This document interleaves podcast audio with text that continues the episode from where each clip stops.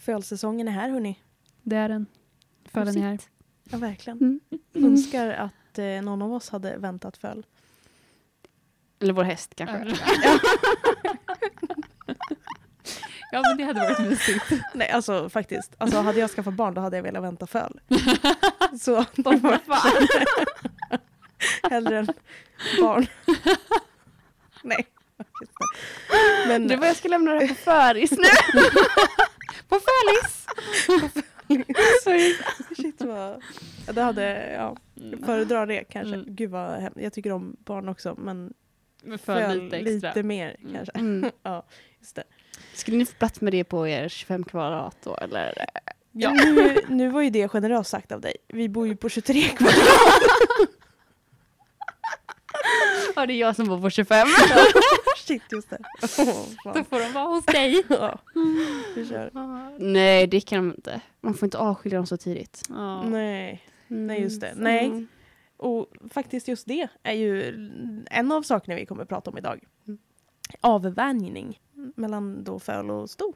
Ett hett ämne så att säga. ja, det känns som att det finns eh, mycket åsikter eh, där ute om hur man ska göra. Ja, och det finns eller ju inte mycket, göra precis, och det finns ju mycket liksom guidelines så om hur, eller det finns någonting som är vedertaget ju och som många går efter eller följer. Och det kanske inte är det bästa alla gånger när man ser till välfärd och hur det fungerar om fölen själva får välja eller storna själva får välja. Nej men precis, och det ju, kommer ju mer och mer forskning som pekar på hur man kanske ska se på det mer än vad vi har gjort när man tittar tillbaka i när vi har människor har haft en haft en hand i det hela. Att Mm.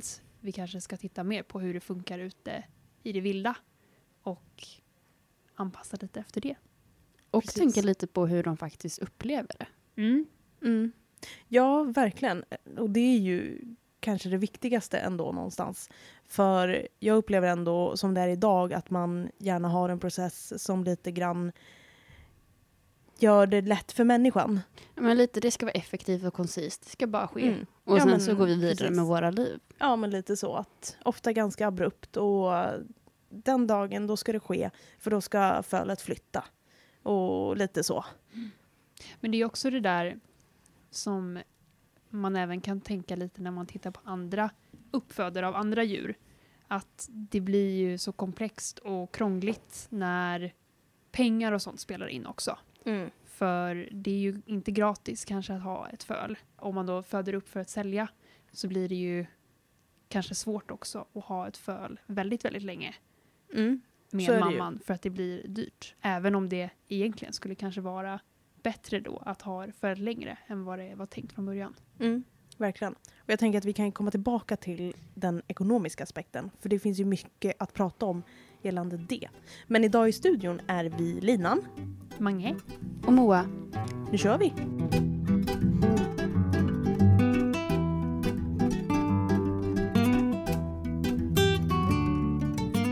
Men du Moa, du har ju erfarenheter av eh, föl. Fölerfarenheter så att säga. det har jag. Ja.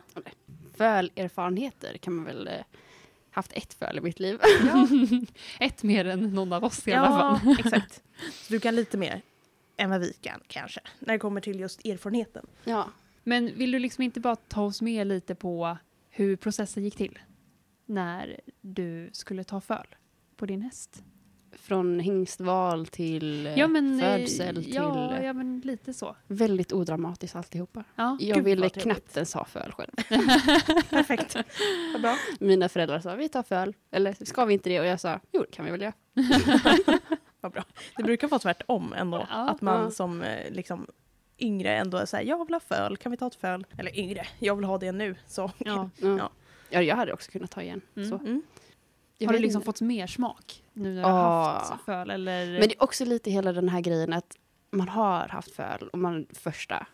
Och alla misstag man kan göra kan man ju gå igenom då. Mm. Och så vill man bara Mm. göra om liksom. Inte för att hon är dålig på något vis. Men Men det är ju verkligen sådär typ, Ja. oavsett vilket djur man har och oavsett hur mycket erfarenhet man har, man lär sig alltid någonting Mm. nytt och särskilt Mm. då vid första tillfälle. Alltså det är, ja. Det är så häftigt Ja. att veta att man har gjort allt. Liksom. Mm. Verkligen. Och det är också så lätt att vara efterklok. Alltså Mm. omedvetet då. Mm. Att man eh, ju, uppenbarligen försöker väl göra sitt bästa och så bra som möjligt. Men att man efteråt inser att eh, hoppsan sa. Mm. Men det är väl lite av en konst också, tänker jag. Mm. Att Mm. man är villig till förändring och att man vill och att man lär sig och Mm. man inser. Verkligen. Istället för att liksom så här, nej, blunda för allting och gå vidare i livet typ. Mm. Istället för att reflektera kanske. Mm. Verkligen. Men eh, ja, vad Ja. vill ni veta? Hingstval. Hingstval, ja. Hur gör man liksom? Gud, jag är så himla oerfaren när det kommer till sånt här. Det visste inte vi heller. Men Nej. ut att jag har Appaloosa så är man med i någon Appaloosa Horse Club Sverige. Mhm. Och då fick vi kontakt med, jag tror de sitter i styrelsen Mm. och fortfarande. Och de bara, nej men vi har hingst här, vi brukar ju ha avel. Kom hit med hästen typ. Mm. Jaha. Gjorde vi det. Ja. Sen pang på rödbetan bara. Ja. Vart ett föll. Ett Men år hur gjorde ni, liksom skickade ni dit henne? Ja, säger? så hon hon var gick där, där, i, över hela sommaren. Ja. Mm. Gjorde hon. Men gud var det en naturlig... Ja. Ja. Mm. Det är ju faktiskt någonting som är... Någonting, ja, det är ju stigmatiserat. Mm. Att det är så negativt klangat att göra det naturligt Mm. av någon anledning. Men jag tror att, det att- många är lite sådär med skaderisk och sånt Ja, där. känns precis. Det, ju Ja, det finns ju både skaderisk, infektionsrisk Mm. och ja, allt sånt. Mm. Mm. Men eh, det kändes ändå ganska bra att hon fick välja lite. Inte, hon fick ju inte välja hingst själv. Så. Nej. Men hon fick ju ändå välja. Det tog Mm. liksom tre månader innan hon accepterade hingsten. Mm. Och det säger ju ändå en del Mm. om hur lång tid det tar. Så det var ju ändå, kändes ändå bra så Mm. sett, Mm. kan jag tycka. Ja, men också verkligen i, om man tittar i det vilda då, återigen. Det är väl givetvis att stort måste acceptera och lite grann väljer vilken hingst som Mm. hon vill skaffa föl med. Mm. För det är ju inte bara så, nu vart det så här. Nej. Det finns ju alltid någon typ av preferens hos varje individ. Och när man inseminerar så finns det ju inga val hos stort överhuvudtaget egentligen. Då bara bestämmer man ju att nu ska du bli dräktig. Jag tänker hela den processen är ju nog också ganska konstigt egentligen. Att, eh, man, de står ju faktiskt i små bås har man ju sett. Och att man inseminerar dem bakifrån då. Mm. Alltså jag tänker hela den måste ju vara ganska traumatisk Mm. ändå. Ja, det kan jag väl verkligen tänka mig att det borde vara. Det är ju väl ingenting man liksom tränar sitt sto på, att bli inseminerad. Sen kan man ju säkert göra det, men Sen så kan man ju säkert få då ge dem lugnande och sånt. Jag vet inte hur processen ska gå till. Men alltså jag tänker bara helt eh, mm, Mm. utifrån mig själv att det hade kanske inte varit så kul. Nej. nej. Nej, och jag tänker också om, om ditt sto då inte hade blivit dräktig, hade ni försökt igen eller hade ni Mm. Vi hade nog accepterat bytt det? hingst då Mm. och testat om Just det, det. hade Mm. varit eh, aktuellt. Precis, för det hade ju verkligen kunnat vara en grej då. Mm. Att eventuellt att hon hade bara nekat den här hingsten helt enkelt Mm. den sommaren. Och Mm. att eh, om man då hade tittat på en annan hingst som hon träffa så hade det ju kanske gått bättre. Så. Mm. Gud, det där tycker jag är så himla intressant. Mm. När man också tillåter sådana saker. Alltså att man tillåter hästarna att sköta sådana saker själva. Mm. Ju faktiskt. Och nu gick det ju bra för Ja. ditt sto. då, med Eller i första gången gick det ju inte, Nej. för då kastade hon det. Ah, okej. Mm. Eh, men sen så skickade vi upp henne igen Mm. och de kände ju igen varandra. Mm. Så det gick ju jättefort den gången. Sen gick hon Mm. kvar hela sommaren ändå tror jag, Mm. om jag minns Mm. rätt. Men eh, ja, Mm. så det är ju ändå att de kan ändå välja själva, tänker Mm. jag. Lite skönt. Sen om man ska tänka på hur jag valde hingst så vet jag inte om, alltså vad jag minns hade de nog två stycken och denna var typ den lugnare och finare då enligt mig. och den andra var nog lite mer het tror jag. Så det blev ändå Mm. bra val så sett i Ja. efterhand.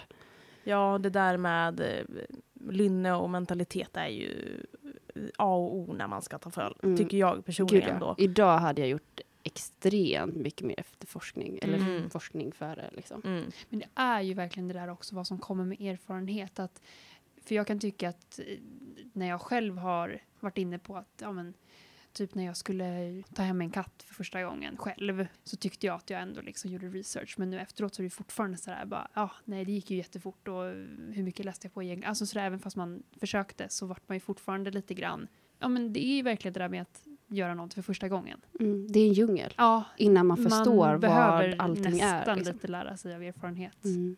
Jag tänker också att man hamnar lite grann i ett stadie av någon typ av eufori. Mm. Lite grann när man så här, oh, men shit det här kommer att hända. Och så Ja. vill man lite att det ska gå väldigt fort. Mm. Oh, ja. Och så kanske man tänker att man tar re- realistiska eller bra beslut. Mm. Men att det kanske går lite fort ändå. Ja. Men det är ju Oh, helt ja. normalt också. Någonstans. Men hur gick det sen då? då? När, eh, för hon var ju då dräktig under Mm. sin eh, dräktighetsperiod.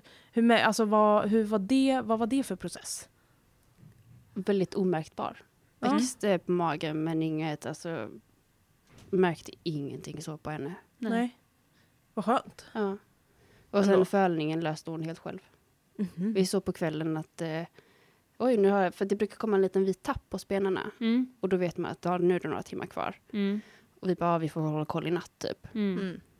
Mm. Mm. Och sen när pappa kom ut, efter tolv någon gång, han hade varit ute innan också och det hade inte hänt någonting. Och sen när han Mm. kom ut bara, där står ett föl i boxen. Eller Ja, lösdrifter så var det. Men, ja. Ja. Det är så häftigt hur de är Mm. så duktiga ofta på att lösa det själv. Ja. Ja. Det- Stå upp och. Ja. Och, Mm. ja. Men och det är också en sån sak idag. Har jag Ja. läst på jättemycket om fölning. Mm.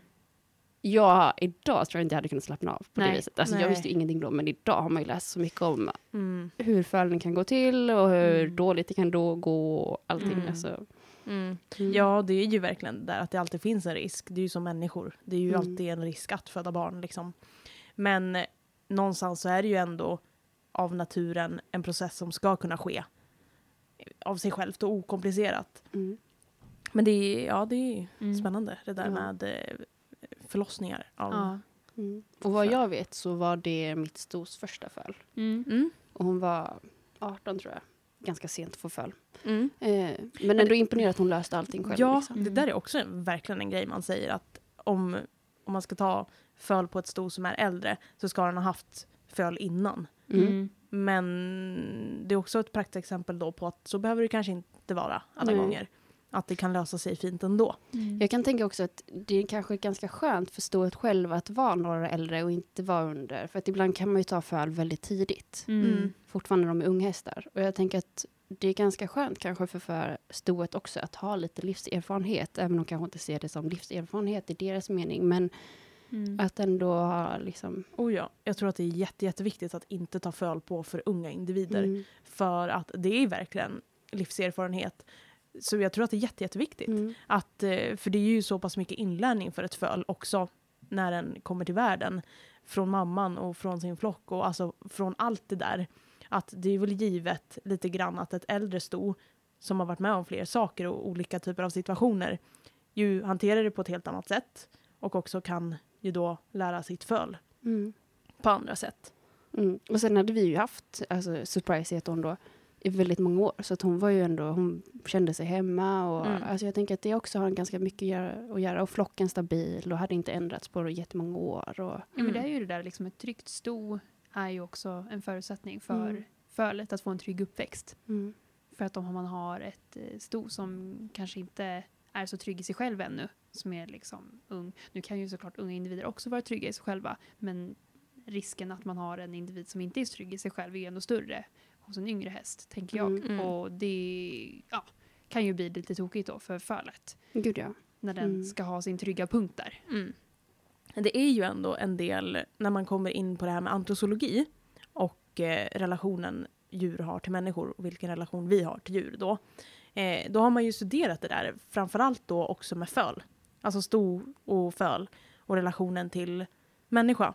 Och då har man ju sett att den relationen stoet har till sin människa eller den som hanterar henne då, samma relation ungefär så kommer fölet få till människan. Mm. För att föl, alltså just liksom hästar och föl, är så himla duktiga på observationsinlärning. Så under tiden då, under uppväxten, så observerar ju fölet då uppenbarligen relationen och interaktionerna som sker och sen lär sig väldigt mycket ut efter det. Mm. Det tyckte jag var väldigt eh, lite ögonöppnande Öppnande. ja, Mm. när jag fick läsa det. Och att man har kunnat konstatera att det faktiskt är så. Mm. För jag tror att det är många som tar föl på ston som kanske inte funkar helt optimalt. Och så tänker man att jag ska ta föl på det här stot för att den hästen vill ändå inte göra det jag vill. Eller den funkar inte för det den är ämnad för. Mm. Lite så. Och då kommer ju... Det tummar väl förmodligen på den relationen då. Att man känner att nej men jag har ingen bra, riktigt bra relation till det här stoet. Och, men jag tar föl på den istället. Ja. Lite sådana grejer Mm. är ju ändå intressanta aspekter att se på saken. Mm, Ja, men jag tror att det liksom kan kopplas ihop lite, alltså alltihopa. För jag läste en studie också om just eh, rädsla hos ston och hur det kan kopplas till deras moderliga beteenden mot sitt föl. Mm. Och att ston då som är mer rädda är, har, ja, de har inte lika bra moderliga beteenden mot sitt föl. Otroligt Och- intressant. Att Ja, mm. och då så. blir det ju liksom den aspekten också att om de har mycket rädsla så klarar de inte riktigt av att finnas där för sitt föl på samma sätt. Nej. För att de är lite uppe i sitt, vilket är förståeligt om de är rädda. Mm. Det låter jättelogiskt. Mm, Alltså, mm. Såklart, det är så. Ja, Mm. så, ja, verkligen. Så att då har man en häst som är kanske väldigt rädd och man därför känner ja, att det blir det ser man ju då som ett beteendeproblem ofta. Mm. För att en rädd häst blir problematiskt. För det kan bli farligt och alltihopa. Och tar man då föl på det stort så det liksom Mm. förs ju bara vidare för då står ju fölet där med en mamma som inte kan finnas där och finnas där som en trygg punkt för dem. Mm. Verkligen. Och vart ska de hitta sin trygga punkt då? Ja, verkligen. Mm. Oh, så ja. det förs ju, beteendena förs ju bara vidare och då finns det ju även lite genetiskt också. Mm. Så att Mm. allting... Ja, och just beteendet av att vara rädd Mm. hos häst upplever jag i alla fall missbedöms ofta. För Och att vara... förnekas. kan Ja, känna. precis. Att folk att- ser tecken men att de låtsas Mm. som att, eller skojar bort det eller tror att det inte är det. Eller, ja. Dels, dels det, ju verkligen. Och också att många tror att det här beteendet är att de testar den eller att de är dumma eller Mm. envisa. Mm. Och det är ju verkligen inte så. Utan det kan ju faktiskt vara att de är rädda.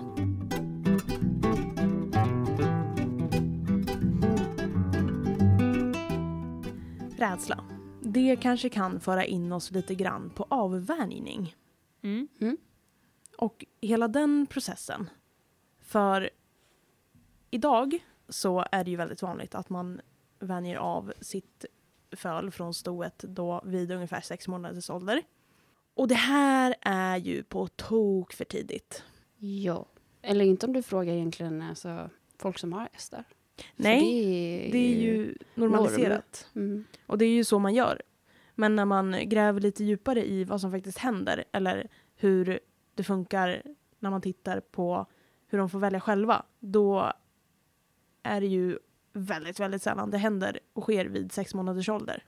Och just om man ska koppla tillbaka då till rädsla, att moderlig deprivation, alltså att man har separerat fölet för tidigt, det kan ju orsaka aggressiva beteenden, rädsla och alla de här beteendestörningarna som vi många gånger upplever senare i livet hos individer då. Mm. Mm. Gud ja. Det kan verkligen skapa otrygga individer och osäkra. Mm. Mm. För sen är det också den här hur vi väljer att avvänja. För det finns ju också många olika sätt att göra det på. Och det kan ju verkligen bli traumatiskt Mm. för både sto och föl att avvänjas på fel sätt. För att avvänjer man för abrupt så kan ju det verkligen skapa men för livet. Mm. Mm. Det blir ju ett typ av trauma och Mm. många gånger kan man ju se det som separationsångest hos hästar senare i livet. Men det blir ju en sorg för dem. Mm. Och ja, verkligen. Att liksom separeras från sin trygga punkt och sitt barn. Mm. Mm. Verkligen. Och så, mycket, eller så tidigt också. Mm. Att det egentligen är för tidigt. Mm. Men sex månader är egentligen för tidigt utav att de kan inte på det viset klara sig själva. De Nej. är inte tillräckligt utvecklade för... Mm.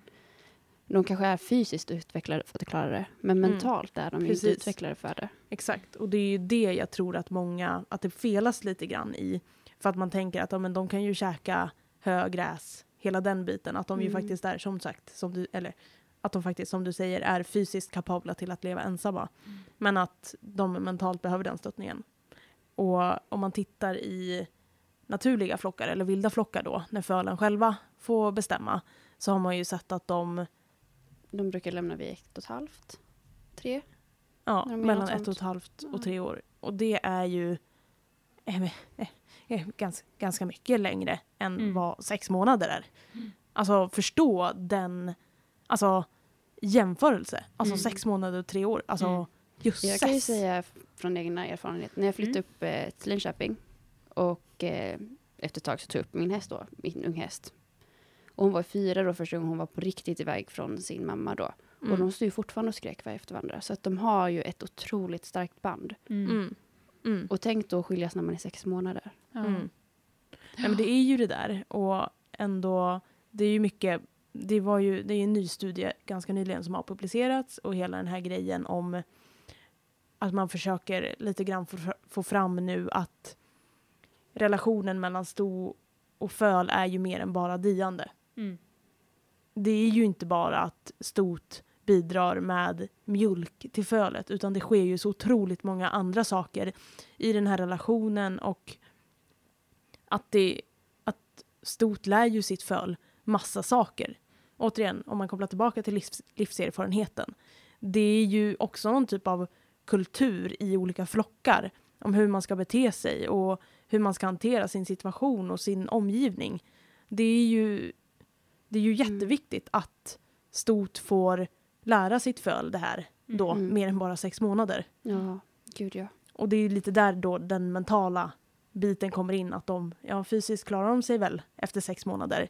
Men mentalt så kräver de, eller de behöver den här tiden med sin mamma Mm. under den längre perioden då. Mm.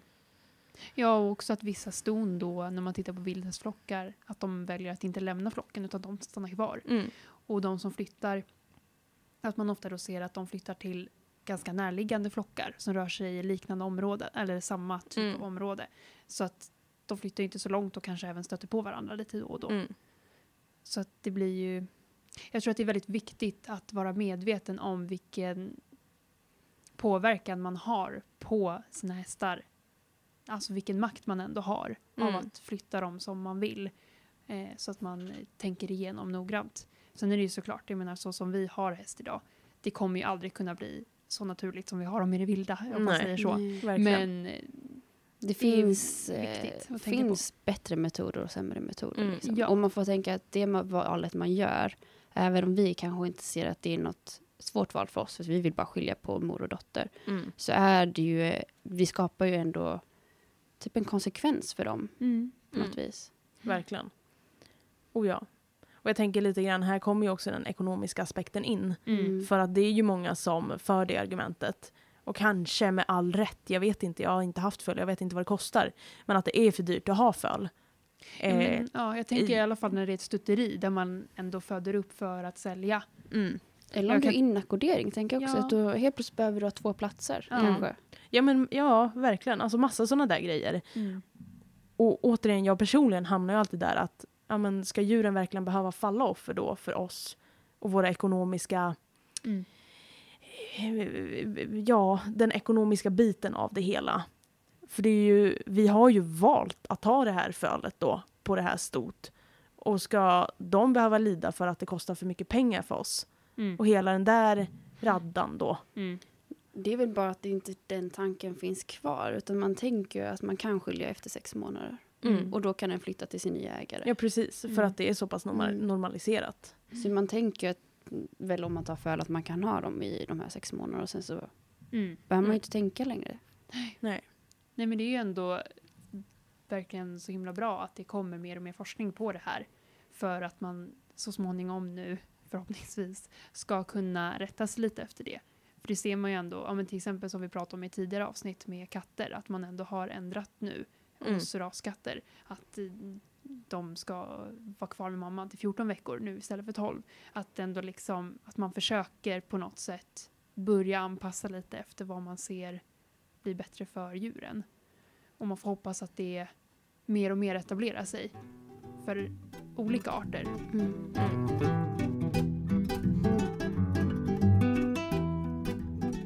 Jag läste en studie. Hoho. Var den bra Ja. eller dålig? Den var bra. Men det var, den var, den är nog, den är ju inte purung tänkte jag säga. Den är ju, har ju några år på nacken. Då. Purung. Det är ett begrepp man kan använda. Aldrig hört. Nej. Va? På riktigt? Gud vad sjukt. Den är purung. Purung. Purgammal. Nej, man säger nog bara purung. Mm. Ja, nej, Ja. jag ska vara lite seriös igen. Ja, kör. Och då, när man har fått sitt föl och allt är livet leker, allt är tipptopp och jättebra. Då vill man ju förmodligen väldigt gärna skapa en relation till det här fölet då. Och peta och lära den saker och hitan och ditan. Och det är ju väldigt vanligt att man ser föl, väldigt unga föl, som går med grimmor och leds i grimskaft väldigt tidigt. Det fick jag lära mig tidigt när jag hade föl. Eller Mm. mitt första. Ja, Eller i- redan innan hon var född att eh, hon ska grimma på sig. Direkt. Typ. Mm. Mm. Och det är ju det absolut vanligaste. Och det är ju det väldigt många lever efter. Och, eller lever, det är väldigt många går efter. Men i den här studien då så hade man testat hur individer då beroende på hur de hade hanterats under sin föltid fram till avvänjning. Eller inte alls, för de hade en grupp som då inte hade blivit hanterade alls innan avvänjning, avvänjning. Och sen en grupp som hade på det mer traditionella sättet blivit hanterade då. Och det man hade sett i den här studien då, det var att de individer som hade blivit hanterade från väldigt tidig ålder, de uppvisade fler tecken på depressiva symptom senare i livet. Och lite grann inlärd hjälplöshet. Står det någonting om eh, typ vad alltså, skildrades åt från sin mamma eller hur, alltså, hur gick allting till liksom? Nej, I den här studien då så hade man separerat eller avvärjt då fölet under, vid samma ålder. Utan, så skillnaden var bara hur och om de hade blivit hanterade då. Och givetvis när man tittar på en sån här studie, ja, det finns ju sätt, olika sätt att hantera föl på. Och såklart om man är elak och sådär mot ett föl, det är klart att de kanske uppvisar depressiva symptom. Mm. Men i den här studien så hade man ändå samma typ av hantering och det vanliga. Grimman skulle på ganska snabbt. Man skulle lära fölet att vara bekväm med människor. Man skulle kunna leda fölet. Man skulle kunna göra alla de Mm. nödvändiga sakerna lite grann. Eller de nödvändiga sakerna som folk då tycker är nödvändiga. Men som sagt, det man hade kunnat se då är, var ju att det var ingen skillnad i inlärningsförmåga då hos de här som inte hade blivit hanterade innan utan de hade precis samma inlärningsförmåga kontra de som hade blivit hanterade sen föll. Och sen om man tittade, följde de här individerna senare i livet så kunde man liksom inte se en skillnad på uppförande. Alltså, eller förstår ni vad jag menar? Ja, men att de ändå kunde hanteras Ja, på precis. samma sätt utan några, Exakt. någon problematik. Typ. Ja, precis. Den enda skillnaden var att man såg depression i högre grad hos de föl som hade blivit hanterade från väldigt ung ålder på det sättet då. Mm. Vad, det- vad tänker ni? När... Det är ändå Ja. intressant men jag tycker också det känns ganska, om man nu skulle jämföra, om man tittar på till exempel hundar. Mm. När man eh, tittar på hur deras uppväxt ser ut så går de ju, sina första åtta veckor då bor de ju hos uppfödaren. Och nu, ja, nu pratar jag ju lite generellt då, för det kan ju se olika ut tänker jag. Men jag tror inte att det är så många uppfödare som börjar direkt träna hundarna på att gå i koppel. Eller Nej. på att kunna göra en herrans massa saker. Och de uppfödare som jag har pratat med i alla fall så är det mycket det här att om de, när de klipper klorna så gör de det typ när de ligger och sover tungt liksom så att det inte ska bli en grej att de ska inte sitta där och behöva lära valpen det utan det kan man vänta med till sen Mm. och så vidare. Men att de får hanteras men på ett lite mer kravlöst sätt. De ska Mm. bara få utforska och vara nyfikna och glada och så. Och att det kommer mer senare, lite längre fram i livet på något sätt Mm. ändå. Och då om man jämför med en häst då som föds och att direkt behöva få en grimma på sig säkerligen mot sin vilja för det är väl jättekonstigt för ett föl när det dyker upp en tvåbening som ska sätta på den grejer på huvudet. Mm. är ju kanske inte konstigt om den tycker att det är konstigt. Verkligen inte. Så jag tycker att det låter ganska logiskt att de känner sig kanske lite attackerade och att de inte kan kontrollera sin miljö. Mm. För att människan klarar ju av att hantera ett föl. Mm. Så. Jag tror också någonstans om vi ska fortsätta på hund och häst där, att det Mm. är lättare att se hunden som en liten, mer som en bebis. Mm. Åt det Mm. hållet, för Ja. att de är små. Mm. Medan en häst, ett föl, att det är lättare att vi måste kunna kontrollera från start. Ja, Mm. för snart är den stor. Och Ja. Då, ja. Mm. Ja, det ligger nog Och att man liksom inte riktigt det. kan tänka på att de är inte utvecklade i hjärnan. De är inte i ett mentalt stadie kanske Nej. till att göra de här grejerna de första veckorna, månaderna. Mm. Nej, alltså verkligen inte alls. Mm. Sen så tror jag också att grejerna, antar att det inte var genom positiv förstärkning. Nej.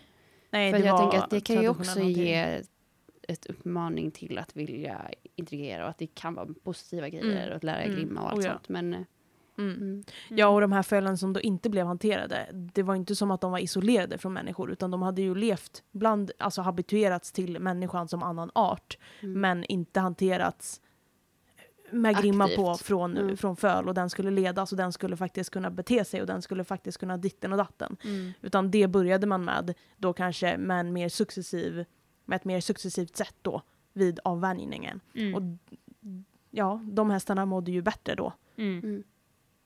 än de som hade blivit hanterade från eh, Mm. Ja, men Start. jag tänker att det måste väl ändå ha lite kanske med hjärnans utveckling att göra just där och då. Oh ja, Att de var lite mentalt mer redo för att kunna hantera Mm. det verkligen. För jag tänker ju ett föl, alltså för det första så är ju hästar flyktdjur. Och människan för en häst är, har ju många features, alltså drag som är rovdjur. Och instinkten för ett föl är ju att vi är potentiell fara. Och så är det ju verkligen. Och då till skillnad från en hund som är avlad för att tycka att människor är tipptopp och jättekul. Mm. Så ser man ju i större utsträckning hos föl att de är rädda för människor. Mm. Tills det att de har vant sig Mm. med människor. För om man sen tänker att man kanske sätter sig själv lite grann i fölets perspektiv. Att för den blir det ju att det är en människa som kommer in och ska sätta på den en grimma. Och personen kanske ändå ger en lite space ibland om den blir för stressad men grimman ska ju fortfarande på. Och kommer ju inte riktigt sluta förrän grimman är på. Mm. Även om det kanske skulle ta under en längre process om man kanske drar ut på det och försöker att liksom ta det lite långsamt så blir det ju fortfarande grimman ska på. Och det kan nog bli ändå ganska traumatiskt. Mm. Och att jag tänker att det kanske är lätt också för stoet då att bli lite stressat om fölet blir stressat. Mm. Och det signalerar ju för fölet att det här Mm. var en jobbig situation. Mm. Mm. Så att det kan ju verkligen bli tokigt. Mm. Mm. Väldigt Gud, ja. eh, tokigt. Och när det kommer till föl så är det ju förmodligen, eller det absolut vanligaste är ju att arbeta med eh, negativ förstärkning och Mm. positiv bestraffning. För Mm. att det finns inget givet sätt för folk att ge en belöning. Förutom då att klia. Mm. Och det är ju ofta väldigt uppskattat av föl. Men det här gör man ju i, i samband med negativ förstärkning ofta. Att man, eh, att man leder fölet och sen så stannar man och kliar. I bästa av världar. Och sen så, så, så sker inte det för alla föl.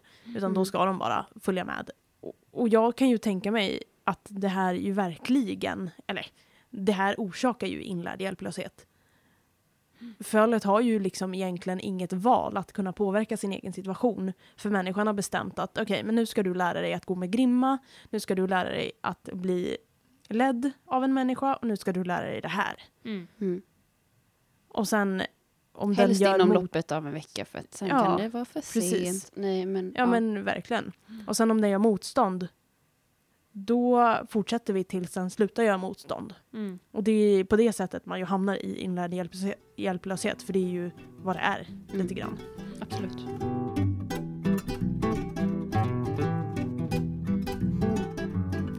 Men med avvänjning då, liksom, för nu har vi ju egentligen bara pratat om lite grann de dåliga aspekterna som skulle kunna finnas om man inte gör det på ett sätt som kanske är riktigt anpassat efter vad som vore bäst för fölet och stoet. Mm. Vad tänker vi liksom kan vara ett bättre sätt att göra det på då? Ja, alltså min spontana tanke då är ju att avvänjning, avvänjningen ska ske senare i Mm. livet för fölet då för det första. Och sen att det är en utdragen och lång process. Så att det här sker utan någon typ av separationsångest för fölet då. Det ska vara så odramatiskt som Mm. möjligt för alla inblandade, tänker jag. Mm. verkligen. Det ska ju nästan vara att fölet själv eller att stoet själv har valt Mm. att nu är det dags. Mm. Och sen att- kan jag tycka att man kan ställa lite frågan till sig själv, behöver man vänja av dem? Mm. Mm. Ja, verkligen. Verkligen. Om man, inte, om man ändå tänker ha kvar eh, både fölet och stoet och det inte är någon som helst problematik när de går i hagen. Mm. Det kan ju vara bra såklart att de får vänja sig lite av att vara ifrån varandra kortare stunder om man ska iväg och göra saker eller vad som helst så. Men att man kanske inte behöver alltså behöver man avvänja helt. Mm. Mm. Verkligen. Men det är ju också en eh, fråga man måste ställa sig i för alla hästar och alla relationer. Att en häst kanske mår bättre av att inte få jättemycket separationsångest av någon i sin flock. Alltså Mm. så om man ska iväg. Men eh, jag tror ju generellt sett att separationsångest orsakas av för tidig avvänjning. Eller grundas i, skulle jag nog vilja Mm. kalla det. Att det grundas i Mm. för tidig avvänjning. Mm. Mm. Att det ställer till med till så många problem. Ja, alltså jag tror verkligen också det. Mm. Ja, för ni valde ju in, att inte avvänja. Eller hur? Eh, vi var avvände enligt eh, då traditionellt väldigt sent. Ja. Jag kommer inte ens ihåg hur gammal hon var. Nej. Nej. Men det var också jätteodramatiskt. Alltså, eh, de gick i, de, jag tror det var nya gräshagar de fick komma ut i. Så Mm. det var liksom wow, gräs. Mm. Mm. Och sen så var det bara en tunn tråd emellan så att de kunde nosa på varandra och stå bredvid Mm. varandra. Och sen så var det bara några timmar och sen så Mm. Mm. Men in igen och sen så några timmar dagen efter och så lite förlängt. Mm. Mm. Men det, för vi har ju ändå pratat om det lite Mm. innan. Och det var väl för att Surprise då, stoet, magrade ur. Ja. Och, Och- lite för att jag inte tänkte så mycket själv kanske. Ja, att det var lite det. där, man ska avvänja föl. Mm. Hade jag fått föl idag kanske jag inte hade gjort det alls faktiskt. Nej. Nej. Men det var liksom så långt ni gjorde i någon slags avvänjningsprocess Ja, vi att de fick mer. gå i hagar bredvid varandra. Det var inga boxar och Nej. det var inga olika platser och det var inte att de inte skulle ses. För det fick jag också höra att de ska egentligen inte kunna se varandra och, Mm. och sånt. Men det Gud, hade de alltså inte det-.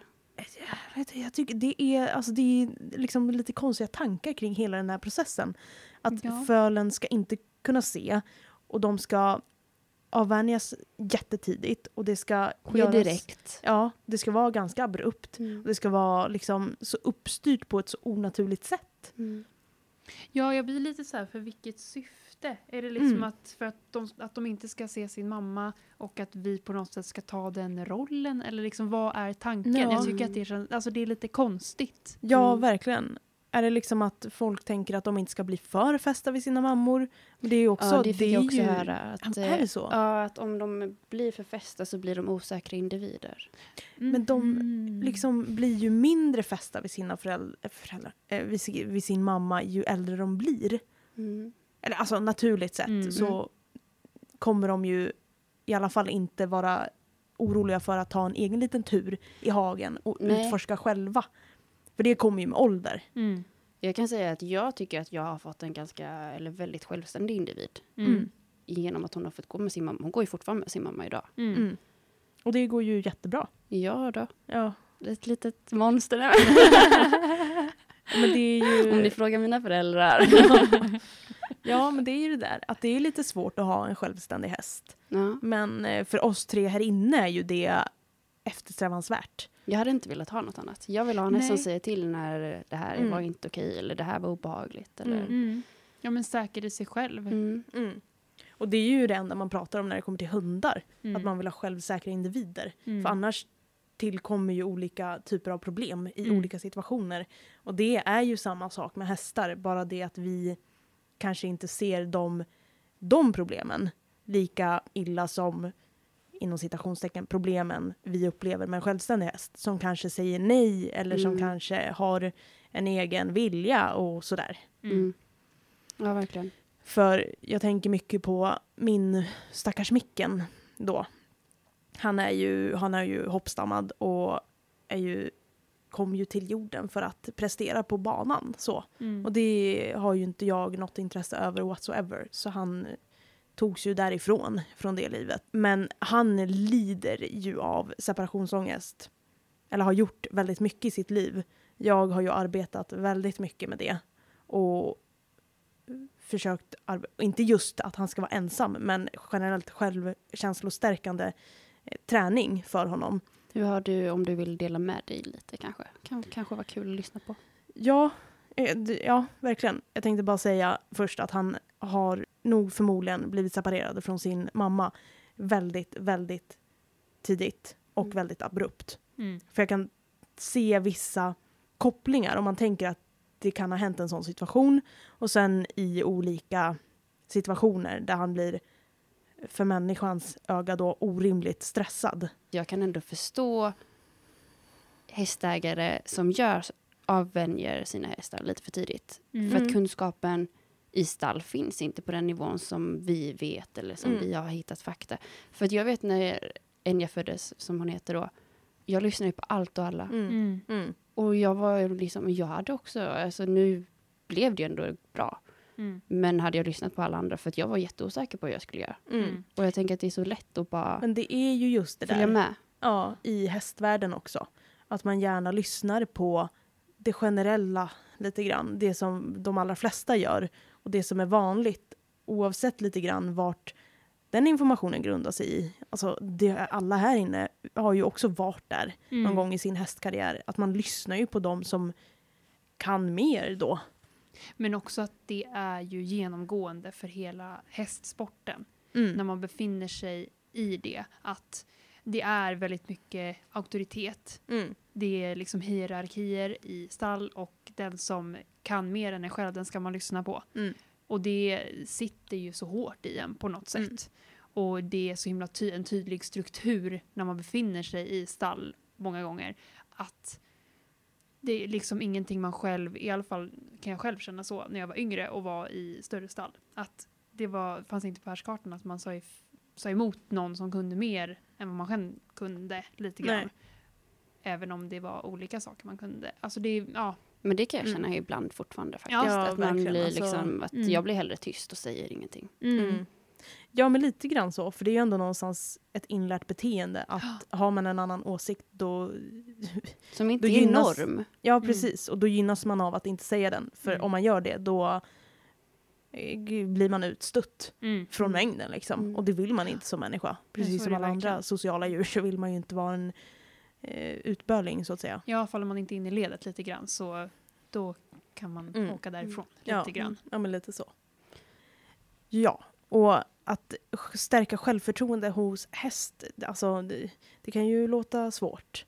Men jag är ju verkligen, för mig och micken så har ju det kommit i takt med att vi bara har för det första stärkt vår relation till varandra och hela tiden arbeta på den. Och att allting ska vara frivilligt för honom. Att han ska kunna säga till och jag ska förstå när han tackar nej till saker och ting. För dels det då, och liksom trickträning, klickerträning och olika övningar som stärker hans självförtroende. Och han är ju en försiktig individ. Och så då har jag använt sådana stora hästbollar, alltså en pilatesboll, typ.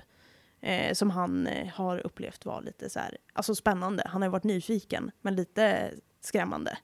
Och då har ju den varit på avstånd då först, givetvis.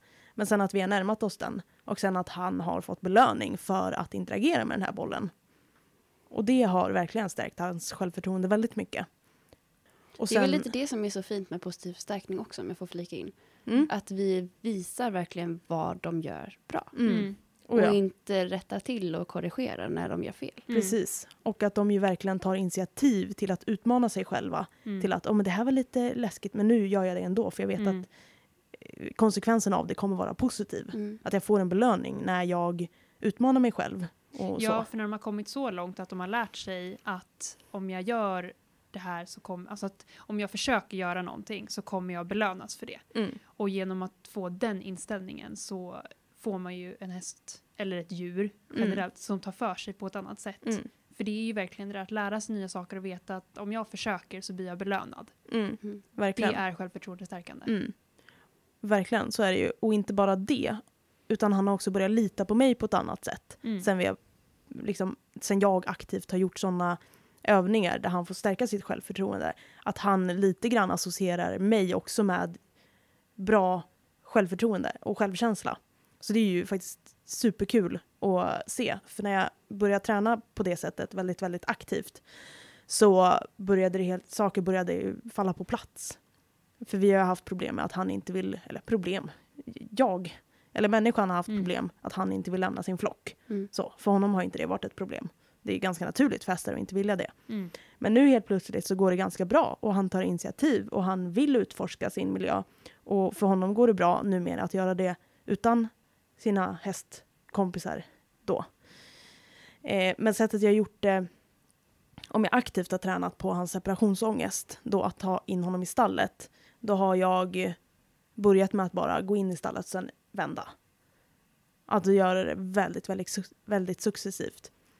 Och när jag har honom inne själv då får ju han gå lös i stallet. För jag upplever att han, när han har kontroll på sin situation, som han upplever att han har när han får gå lös och gå fram och tillbaka från boxen och där, alltså så, då upplever inte jag att han är stressad alls. Nej. Och det här var ju någonting jag kom på lite för sent kanske i den här träningen. Fast det gjorde du Och- ju inte utan att du kom på det. Ja, ja, så kan man ju se Man på det. kan, det han kan kanske- se att det är för sent om dagen han inte hade levt kanske. Kan jag tycka Ja, är större. ja, så. precis. Men för nu tycker jag inte alls att du kom på det för sent utan att du har kommit på det. Mm. Mm. Ja, nej, ja, men det är ja, såklart så- att man kan ha velat komma på det tidigare. Ja, men absolut. eh, Mm. för sent behöver det ju absolut inte vara. Nej, Liksom, ja. ja, Det kommer ju vara saker vi kommer hela tiden bara, det här skulle jag gjort innan. Mm. Eller Ja. innan. verkligen. Så är det ju verkligen. Mm. Så vi får inte vara för hårda mot oss själva. Nej, det tycker Nej. jag verkligen är en viktig grej också för att det är så himla svårt och vi vill så gärna göra rätt för våra djur. För så Mm. är det ju verkligen. Och man ska verkligen vara snäll mot sig själv och inse att man försöker och gör sitt bästa. Det tycker Mm. jag är viktigt. Ja, För det är så lätt att falla dit och känna att man är otillräcklig för sina djur för att man vill dem så väl och så blir det inte alltid rätt och det Mm. kan inte alltid bli rätt. Och vi Nej. alla har dåliga dagar. mm. Det Även våra djur och vi. ja. Det är ju väldigt skönt att ni säger det faktiskt. Så det, ibland behöver man faktiskt höra sådana saker. Mm. För det är Mm. väldigt lätt att hamna lite grann i, just vi som utbildar oss, att hela tiden försöka vara bättre. Vårt Och bästa bättre. jag Ja, och lite precis. till hela tiden. Känns Ja. Mm. och framförallt i förhållande till våra djur för att de utsätts ju för vad vi gör liksom. Nej, och nu då tillbaka till micken, så han har ju alltså inga problem Nej. alls med det längre under normala och rimliga perioder. Jag skulle nog inte säga att han skulle kunna gå och stå på box. Alltså om han skulle behöva stå på boxvila, Ja, om han skulle bli skadad. Då tror jag det hade inte funkat för honom. Men det är också ingenting jag... Jag vet inte, det är naivt Vill, kanske. kanske. Nej, ja precis. Det är ingenting jag... eh, Ja, nej. Nej. Men Tänker är- träna nej. på. Nej. För jag tycker det, nej, nej. det, då får man lösa det problemet då. Mm. lite grann. Och det motsätts sig väl allt vi har pratat om i den här podden innan. Mm. Men eh, för mig så är det en väldigt skev grej att träna på, att de ska stå på box Mm. ensamma. Mm. hela den, alltså det blir, nej, nej det vet jag inte om. Sen så finns blir det ju alltid att man kan träna på att de ska tycka om sin box. Mm. Precis, Precis, det blir och lite det- indirekt träning Mm. för det. Mm, Genom att aktivt ändå träna på att stå i Mm. boxen. Liksom. verkligen. Och det gör han ju verkligen nu. Mm. För så har jag ju verkligen tränat med att han, han alltså det är det bästa han vet. Mm. Nu väljer han ju ibland att gå in i stallet. För att han bara, ah, i den där boxen brukar jag kunna få mat. Men så jag, har Liksom. jag gjort med Enja då. Hon går ju på lösdrift. Men att träna box, alltså det var ju livet för henne att komma in på box. För där fanns ju alltid roligt med Mm. mat och roliga grejer. Mm. Och Mm. det var till så här, ibland skulle vi bara gå igenom stallet. Mm. Då hoppade hon in i sin box och jag var så här. Jaha. Ja. Ja, men men då det vet är ju det verkligen ett kvitto på Ja. att man gör rätt. Ja. Alltså det är verkligen, det är någonting så här, man själv kan ju vara lite så här, bara, nej men vi ska inte träna det nu, kom Mm. kom liksom. Men att det är ändå, tycker jag, viktigt att när, när man har ett djur som tar initiativ på det sättet efter att man har tränat på någonting, att då ska Mm. man ge sig en klapp på axeln att Mm. oj vad rätt jag har gjort nu. Mm. Mm. När mitt djur väljer att göra det här för att vi har tränat på det. Mm. Men sen så Mm. tror jag absolut inte hon hade klarat av att stå på boxvilan då. Nej. Och det är ju för att det är så onaturligt. Ja, och det är just det Mm. som är så här, är det värt att träna på så onaturliga saker? Mm. Om det inte kanske ens kommer att hända, och vem vet? Eller, ja, jag vet inte. Lite sådana grejer. Alltså jag tänker man får väl förebygga så lite man kan, som är, eller inte lite, men så mycket man kan som är rimligt. Mm. Och den dagen, den sorgen, får man ju ta hand om det för Mm. att Ja. då är det någonting som har hänt tyvärr. Ja, lite så. Och just boxvila är ju så här, förmodligen är ju det under en lång period. Hur ska man kunna träna sin häst på att stå på box? Ska, ska man ställa den på, i en box då i en vecka liksom? Mm. Det funkar ju inte heller. Så. Dagens fun fact, mina vänner. Ja. Här kommer den. Och den ska handla om eh, ugglisar. Unglisar. Ugglor, med andra ord. Ja. Jag har aldrig sagt ugglisar innan. det, Det är lite som nära. linis. Ja, usch. Det är jag och ugglisarna. Mm. Ja. Vad kan du om ugglisarna då? Ugglisar Mm. är ju jägare. De är Mm. ju rovdjur och de jagar. Och det är ju faktiskt så att deras öron är asymmetriskt placerade på huvudet. Och då är det ju så här att de använder det här när de jagar. Och det gör att de kan lokalisera ett byte som är både då i sidled och i höjdled. Mhm. För när vi lyssnar med våra öron då så är vi ju ganska duktiga på att veta ungefär vart någonstans ett objekt befinner sig i sidled. Men inte så bra i höjdled. Mm. Mm. För själva principen med öronen då, att de är asymmetriska för ugglan, det blir den skillnaden i tid är för, för ljudet att nå då öronen på olika nivå. Det är det som avgör, eller det är det som gör att de kan avgöra Ja, vart bytet precis. finns. För asymmetriskt för dem blir ju då att de sitter på olika höjd på, eh, på huvudet. Precis, just det. Ja, det är ändå väldigt eh, spännande. Mm. För ja, det är ju verkligen det. Och för om man ska kanske illustrera för att kunna förstå är ju att om ett ljud utlöses på höger sida om oss människor då kommer ju höger öra att träffas av ljudvågorna snabbare än vänster. Och därför kan vi förstå då att objektet är på höger sida om oss. Mm. Och samma sak för ugglorna då i sidled, men också då att de att det örat som är placerat högst upp på huvudet nås ju av ljudvågor snabbare om ljudet kommer uppifrån Mm. och tvärtom då. Mm. Mm. Och det är ju eh, otroligt praktiskt. Ja, Fascinerande. Så de kan ju liksom utan att se sitt byte veta vart det finns då. Så de är väldigt framgångsrika när man eh, tittar på jaktvideos. Typ när de jagar i snö Mm. och sådär. Ja, det blir ju väldigt för dem i och med att de kommer ju ovanifrån ofta för sitt byte om de fångar någonting på marken. Och då att veta var någonstans i höjdled. Ja, det är Mm. ju väldigt praktiskt. Mm. Verkligen. Det var dagens eh, fun fact.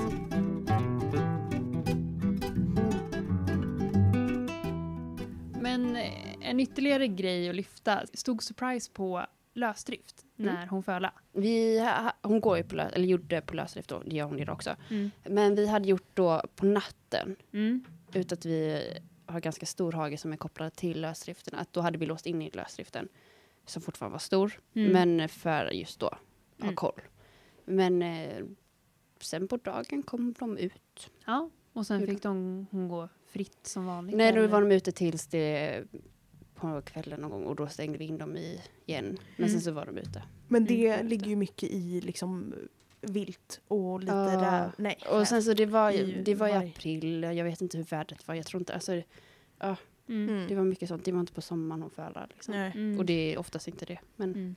Ja, nej. Ja, för det där är ju... För jag tänker... Vilt är ju verkligen någonting man måste akta sig för. Vet man att det finns varg i området, ja då kanske man inte ska ha dem ute på nätterna. För man vet ju att de kan ju Mm. gå på föl. Men jag tycker ändå att det är så många som tror att föl inte klarar sig ute. Mm. Att, jag har ju hört väldigt många historier om hästar som fölar på box då. Och som står på box. Att de får gå ut typ en timme om dagen Mm. och så måste de komma in igen. Och sen Mm. så utökar man den tiden då successivt.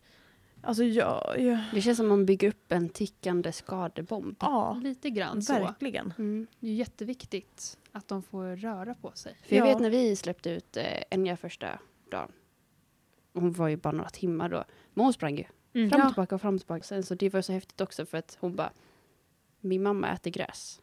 Jaha, Mm. ska jag testa? Ja, men det är ju just Ja. det där med observationsinlärning hos föl. Mm. Alltså det är så jäkla Mm. tydligt när man börjar alltså, leta efter de beteendena. Mm. Mm. Jag vill ha föl. Ja, jag med. Alltså, ska få föl. Ja, nej.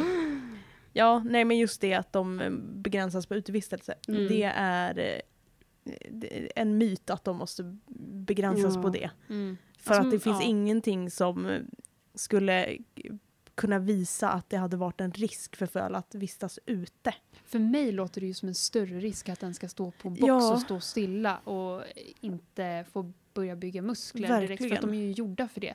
Och De det är är ju ju födda för att stora. kunna ställa sig upp och, Och typ springa, springa, ja. från, ja inte sekund ett, men typ. Jo men, Jo, men typ, det är alltså, väl långa det som ben, är- hur ska de lära sig Ja. koordination? Och då kan man ju titta på deras ben då. För har man tittat på ett föl, nyfött föl och bredvid sin mamma så kan man ju se att de ungefär har lika långa ben. Ja, det är så långa ben. Ja, det är Att det löser mycket. sig.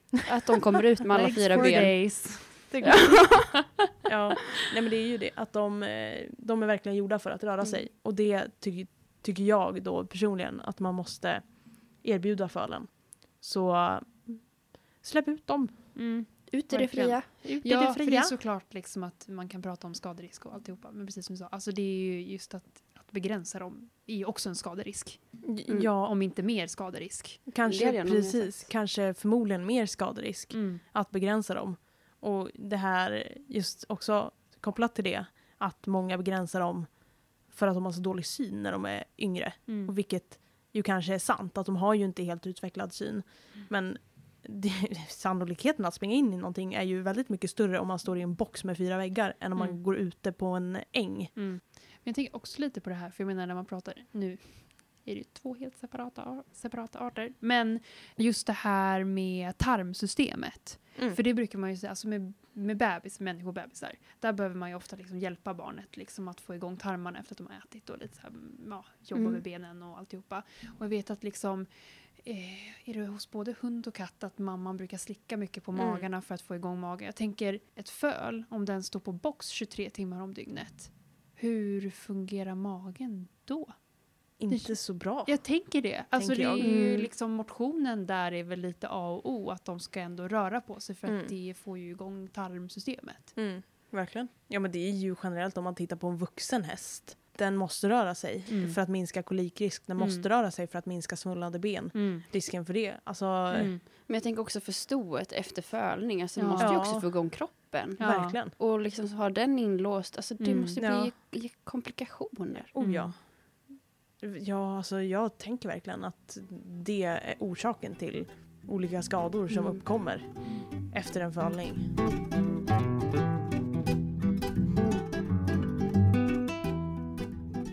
Vi har pratat massor om föl. Det har vi gjort. Ja, Fått lite fölfeber. Ja, väldigt mycket faktiskt. tyvärr. Vi kanske inte skulle ha pratat om föl. Det blir bara jobbigt. Och speciellt nu när det är fölsäsong. Ja. Ja.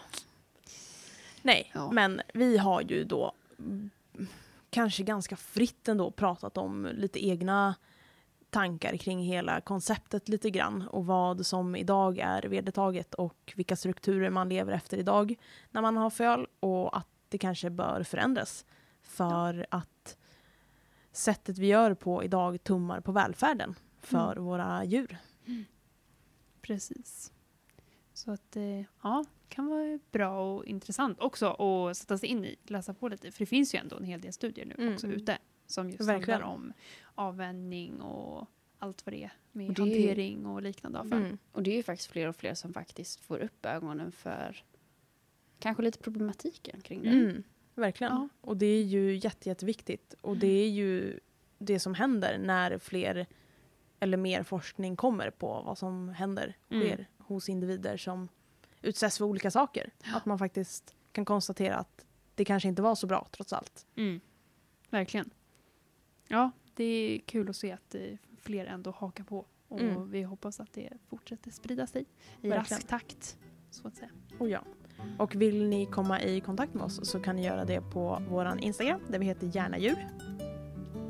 Vår Facebook, Gärna djur. Och på vår mejl där vi heter garnadjur.hotmail.com.